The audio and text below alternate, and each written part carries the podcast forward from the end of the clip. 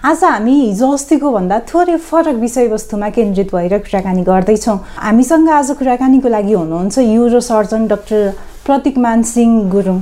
उहाँले चाहिँ बिस वर्ष बाहिर काम गरेर भनौँ अथवा सर्जरी युरो सर्जरी गरेर अहिले नेपालमा काम गर्दै हुनुहुन्छ। युरो सर्जरी गर्दाखेरि अब कस्तो कस्तो अवस्थामा चाहिँ गर्नुपर्ने हुन्छ? बाहिरको ट्रेन र नेपालको ट्रेन कस्तो छ भनेर कुराकानी गर्दैछौँ। स्वागत छ रक्साप स्वास्थ्य सन्देशमा। नमस्ते। यो पछिल्लो समय अब नेपालमा पनि बढेको छ होइन। युरोमा धेरै खालको समस्याहरू देखा परिरहेछ। यो समस्या आउने कारण चाहिँ के हो युरोलोजीमा? युरोलोजी भनेको चाहिँ एउटा भास्ट फिल्ड हो। तपाईँले भन्नु भइहाल्यो म चाहिँ विदेशमा लगभग बिस वर्ष काम गरेँ। एमबिबिएस पनि लन्डनबाटै गरेँ। त्यसपछि रोयल कलेज अफ सर्जन्स को चाहिँ सर्जिकल चाहिँ मेम्बरसिप र फेलोसिप प्रोग्राम चाहिँ नेसनल कम्पिटिसनबाट चाहिँ युकेमा गरेँ। त्यसै बिच युरोलोजीमै ब्ल्याडर क्यान्सर सम्बन्धी पिएचडी पनि गरेँ लन्डनमै युसिएलमा अनि त्यसपछि गएर चाहिँ युएसमा मैले चाहिँ दुई वर्ष चाहिँ अमेरिकन युरोलोजिकल एसोसिएसनको चाहिँ अक्रेडिटेड रोबोटिक मिनिमम इन्भेसिभ सर्जरीको फेलोसिप पनि गरिओर्दाखेरि चाहिँ यो लगभग बिस वर्षको अनुभवमा अब यो रियलाइज कस्तो अनुभव हुन्छ भने urology is is extremely vast subject multiple sub स्पेसलिटीहरू छन् जस्तै अब स्टोन एन्डो युरोलोजी होइन क्यामेरा भिडियो क्यामेराले गर्ने। पहिला पहिला चाहिँ ठुलो चिरफार गरेर गरिन्थ्यो। बिस तिस वर्ष अगाडिसम्म पनि अहिले पनि कुनै कुनै वर्ल्डको कुनै कुनै ठाउँमा त्यस्तो गरिन्छ। नेपाल नेपालको पनि सर्टन रिमोट ठाउँमा त्यस्तै ठुल्ठुलो ढुङ्गामा ब्लकेज भएर प्रब्लम भएको खण्डमा चाहिँ चिरफार नै अझै चलिरहेको छ। सामानहरू र प्रविधिहरूको अभाइलेबिलिटी नहुँदाखेरि होइन? त्योदेखि लिएर चाहिँ भनौँ अब cancer urological cancer suppose for example like kidney cancer होइन? अब ब्ल्याडर क्यान्सर प्रोस्टेट क्यान्सर त्यसै गरी टेस्टिकुलर पिनाल क्यान्सरहरू को पनि अपरेसनहरू हुन्छन् होइन? त्यसै गरिकन चाहिँ अब बिनाइन प्रब्लम्सहरू भन्दाखेरि चाहिँ युनिट ट्र्याक इन्फेक्सन्सहरू पिसाबको समस्याहरू जुन चाहिँ अब लोग्ने मान्छेलाई पनि पुरुषलाई पनि अनि स्त्री फिमेल्सहरूलाई पनि समस्याहरू भइरहेको हुन्छ। त्यसै गरिकन पिडियाट्रिक एडोलेसेन्ट युरोलोजीमा पनि अर्को स्पेसलिटी सब स्पेसलिटी छ।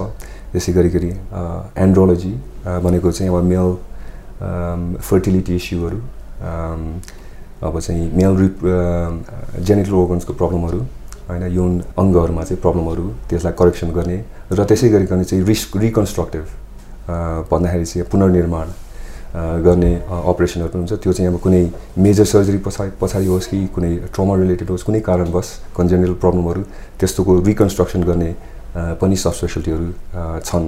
र विदेशमा चाहिँ यिनीहरू अब हेरिकन ठाउँ हेरिकन युएस युके मेरो मेरो मेन मेन एक्सपिरियन्स भएको छ लास्ट ट्वेन्टी इयर्स त्यहाँ चाहिँ अब एकदम एडभान्स रूपमा चाहिँ डेभलप छन्। होइन यो सब सब स्पेसलिटीको सर्भिसहरू छन् नेपालमा पनि बिस्तारै हुनेछ जस्तो मलाई लागिरहेको छ। मैले अहिले लास्ट वान इयरको एक्सपिरियन्समा ओम हस्पिटलमा र अरू राम्रो हस्पिटलमा पनि यो प्रोभिजनहरू भइरहेको जस्तो मलाई लाग्छ। दोस्रो कुरा मैले यसैमा जोडिहालेँ होइन। अब नेपालमा आएर काम गरिसक्नु भएको छ नि त। नेपालमा त्यो अपरेसन गर्दाखेरि र बाहिर गर्दाखेरिको फरक चाहिँ के रहेछ? अब फरक मेन कुरा चाहिँ अब it's very much a tech technology driven field particularly certain things like endourology होइन। त्यो चाहिँ अब सामानहरूमा र चाहिँ टेक्नोलोजीमा धेरै भर पर्छ। ती सामान टेक्नोलोजीहरू चाहिँ बिस्तारै नेपालमा लास्ट फाइभ टेन इयर्समा चाहिँ अभाइलेबल छ जस्तो मलाई लागिरहेको छ। अब कतिपय चिज चाहिँ छैनन्। So for example robotic surgery अहिलेको अवस्थामा नेपालमा अभाइलेबल छैन। तर चाहिँ अब नेक्स्ट डोर हाम्रो नेबरहरू चाहिँ इन्डिया चाइनामा हेर्नुभयो भने लास्ट फाइभ टु टेन इयर्समा त्यो रोबोटिक सर्जरीको फिल्ड पनि एकदम व्यापक रूपले चाहिँ एक्सप्यान्ड भइरहेको छ। अब फर इक्जाम्पल इन्डियामा चाहिँ लास्ट टेन इयर्स लगभग रोबोटिक सर्जरी भइसकेको छ। होइन? त्यो अभाइलेबल छ। दिल्लीमा अहिले अहिलेको अवस्थामा चौध पन्ध्रवटा चाहिँ डाभिन्ची सिस्टमहरू छन्। इन्डियाभर लगभग अस्सीवटा रोबोटिक सर्जिकल युनिट्सहरू छन्। त्यसै गरिकन चाइनामा चाहिँ लास्ट फाइभ सिक्स इयर्समा चाहिँ फिफ्टी सिक्सटीवटा रोबोटिक युनिट्सहरू आइसकेका छन्। अब नेक्स्ट स्टेप चाहिँ मलाई नेपालमा पनि यो प्रवि प्रविधि टेक्नोलोजी आउँछ र ल्याउनुपर्छ जस्तो लाग्छ। त्यसले गर्दाखेरि चाहिँ यो हाम्रो चाहिँ पर्टिकुलरली कम्प्लेक्स अपरेसनहरू ठुल्ठुलो अपरेसनहरू चाहिँ सिम्प्लिफाई हुन्छ जस्तो मलाई लाग्छ। रोबोटिक सर्जरीको कुरा निकालिहाल्नु भयो होइन? यसले चाहिँ कसरी काम गर्छ? अब robotic surgery is very high technology भन्ने सम्झौँ। अब त्यसमा चाहिँ it's a very computerized system होइन? अब यो जुन चाहिँ अब यो की होल सर्जरी भन्छ नि मिनिमल इन्भेसिभ ल्याप्रोस्कोपिक सर्जरी त्योभन्दा many many times more advanced and computerized technology हो होइन? त्यसबाट चाहिँ अब एउटा चाहिँ रोबोटले अपरेसन गर्ने गर्ने त अपरेसन सर्जनले नै हो। तर चाहिँ त्यो मिनिमम इन्भेसिभ सर्जिकलको त्यो टेक्निकहरू चाहिँ अप्लाई गरेर चाहिँ एउटा चाहिँ रोबोटिक युनिट चाहिँ पेसेन्टमा डक गरिन्छ।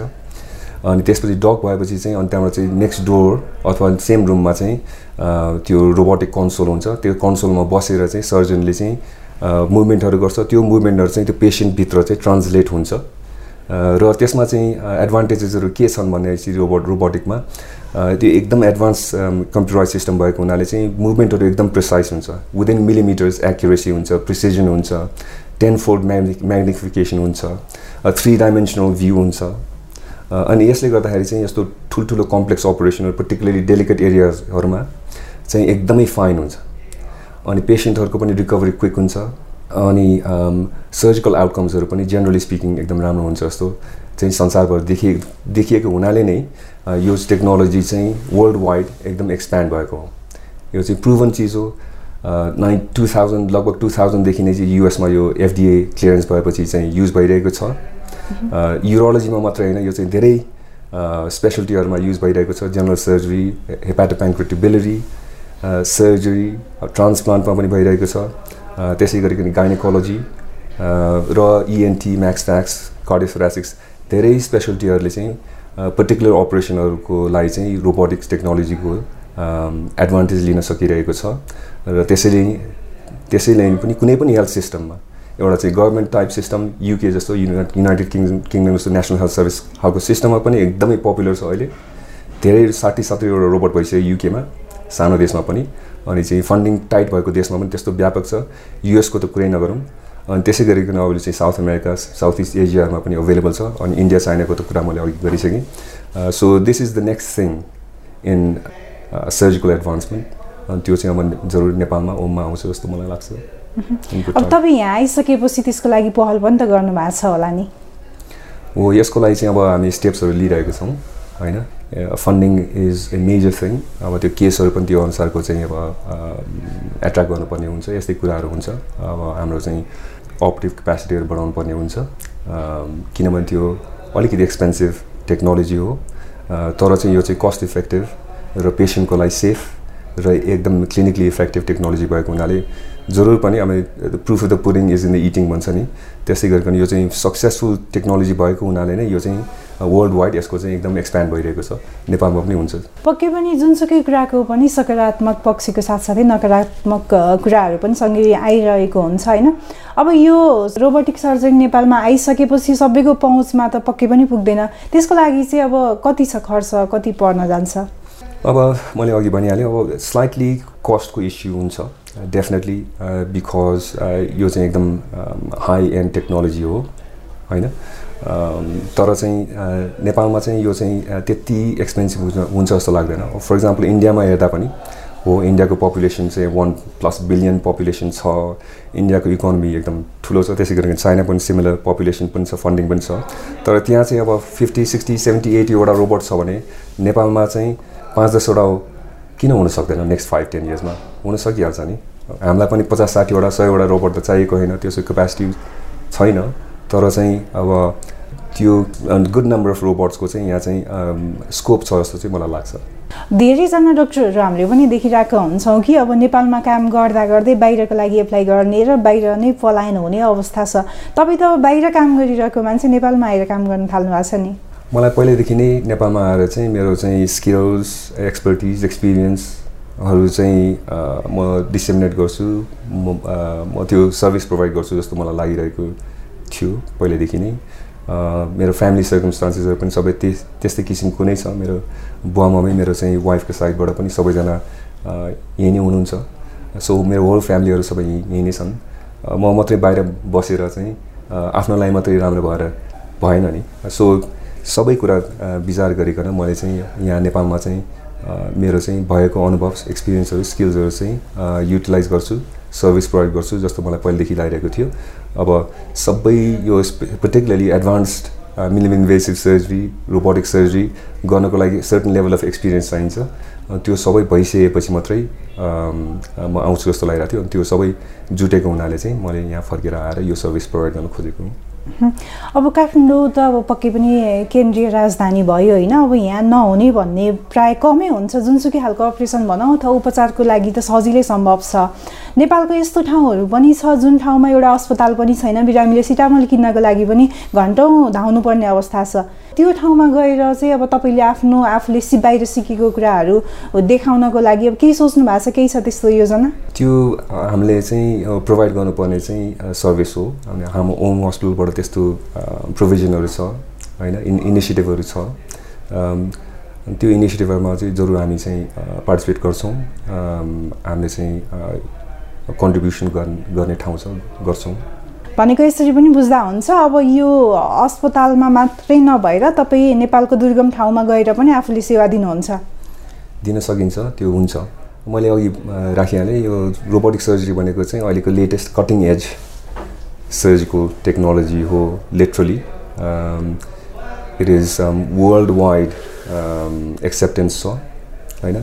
सर्टन लिमिटेसन छ obviously cost is a big limitation होइन? तर त्यो कस्ट भनेको पनि आखिर त्यति ठुलो कुरा रहन्छ भन्ने कुरा केबाट साबित हुन्छ भनेपछि कुनै पनि हेल्थ मोडलमा कुनै पनि संसारको कुनामा रोबोटिक्स चाहिँ छ र एक्सप्यान्ड भइरहेको छ होइन? त्यो नै प्रुफ हो नि त होइन? कुनै पनि चिज चाहिँ अब त्यो चाहिँ कस्टले लिमिट हुन्छ भने त्यो आउनेवाला थिएन होला त्यो देशमा। अब हाम्रो नेबरहरू भनौँ इन्डिया चाइना अथवा चाहिँ साउथ इस्ट एसियामा चाहिँ सिङ्गापुर भनौँ कि थाइल्यान्ड भनौँ कि हङकङ भनौँ कि त्यहाँ सबै रोबोटिक्स छ। South America US UK Europe सबै ठाउँमा रोबोटिक्स अहिले चाहिँ व्यापक रूपले चाहिँ एक्सप्यान्ड भइरहेको छ। यसमा धेरै टेक्निकल एडभान्टेजेसहरू छ क्लिनिकल एडभान्टेजेसहरू पछि पेसेन्टमा ट्रान्सलेट भइरहेको छ। अनि अल्टिमेटली चाहिँ फाइन एकदम प्रिसाइज सर्जरी भएपछि कम्प्लिकेसन अरू प्रब्लमहरू पनि आउने कम सम्भावना भयो। नि त पेसेन्टको लागि पनि राम्रो उहाँहरूलाई चाहिँ पछि समस्याहरू भएर फेरि बारम्बार हस्पिटलमा second treatment third treatment readmission हुँदाखेरि चाहिँ त्यो चाहिँ अब त्यो पनि त एक्सपेन्सिभ पर्न जान्छ नि त। अनि त्यो सबै कम्प्लिकेसन इस्युजहरू चाहिँ थोरै भएपछि त पेसेन्टलाई पनि राम्रो भयो उहाँहरूलाई पनि बारम्बार दुःख पाइएन हस्पिटलमा चार्जहरू लागेन। त्यही भएको हुनाले चाहिँ यो चाहिँ लङ टर्म पनि सक्सेसफुल छ भन्ने कुरा चाहिँ साबित भइरहेको छ। यो चाहिँ लगभग मैले भनिहालेँ ट्वेन्टी इयर्स प्लस भइसक्यो यो टेक्नोलोजी भएको। हुन त युएसमा चाहिँ नाइन्टिन नाइन्टी फाइभतिर चाहिँ एक्सपेरिमेन्टल रूपमा चाहिँ युज भइरहेको थियो। पछि चाहिँ सबै क्लिनिकल प्र्याक्टिसमा ल्याउनको लागि चाहिँ टु थाउजन्डसम्म सबै क्लिनिकल स्टडिजहरू भइसकेर एफडिएले युएसमा चाहिँ अप्रुभ गरेपछि चाहिँ रुटिन क्लिनिकल प्र्याक्टिसमा चाहिँ हस्पिटलहरूमा चाहिँ अर्ली टु थाउजन्डदेखि भएको हो। मैले पनि गरेको यो रोबोटिक्स फेलोसिप अमेरिकन युरोलोजिकल एसोसिएसनको एन्डो सोसाइटीको अक्रेडिटेड फेलोसिप पनि युनिभर्सिटी अफ रचेस्टर न्युयोर्कमा चाहिँ लगभग टु थाउजन्ड टूदेखि नै सुरु भएको most one of the most experienced high volume centres पर्न आउँछ। सो त्यति लेभलको एक्सपिरियन्स र चाहिँ लङ टर्म चाहिँ इन्फर्मेसन डेटाहरू छ यो टेक्नोलोजीमा यहाँको महत्त्वपूर्ण समय र जानकारीको लागि धेरै धेरै धन्यवाद। Thank you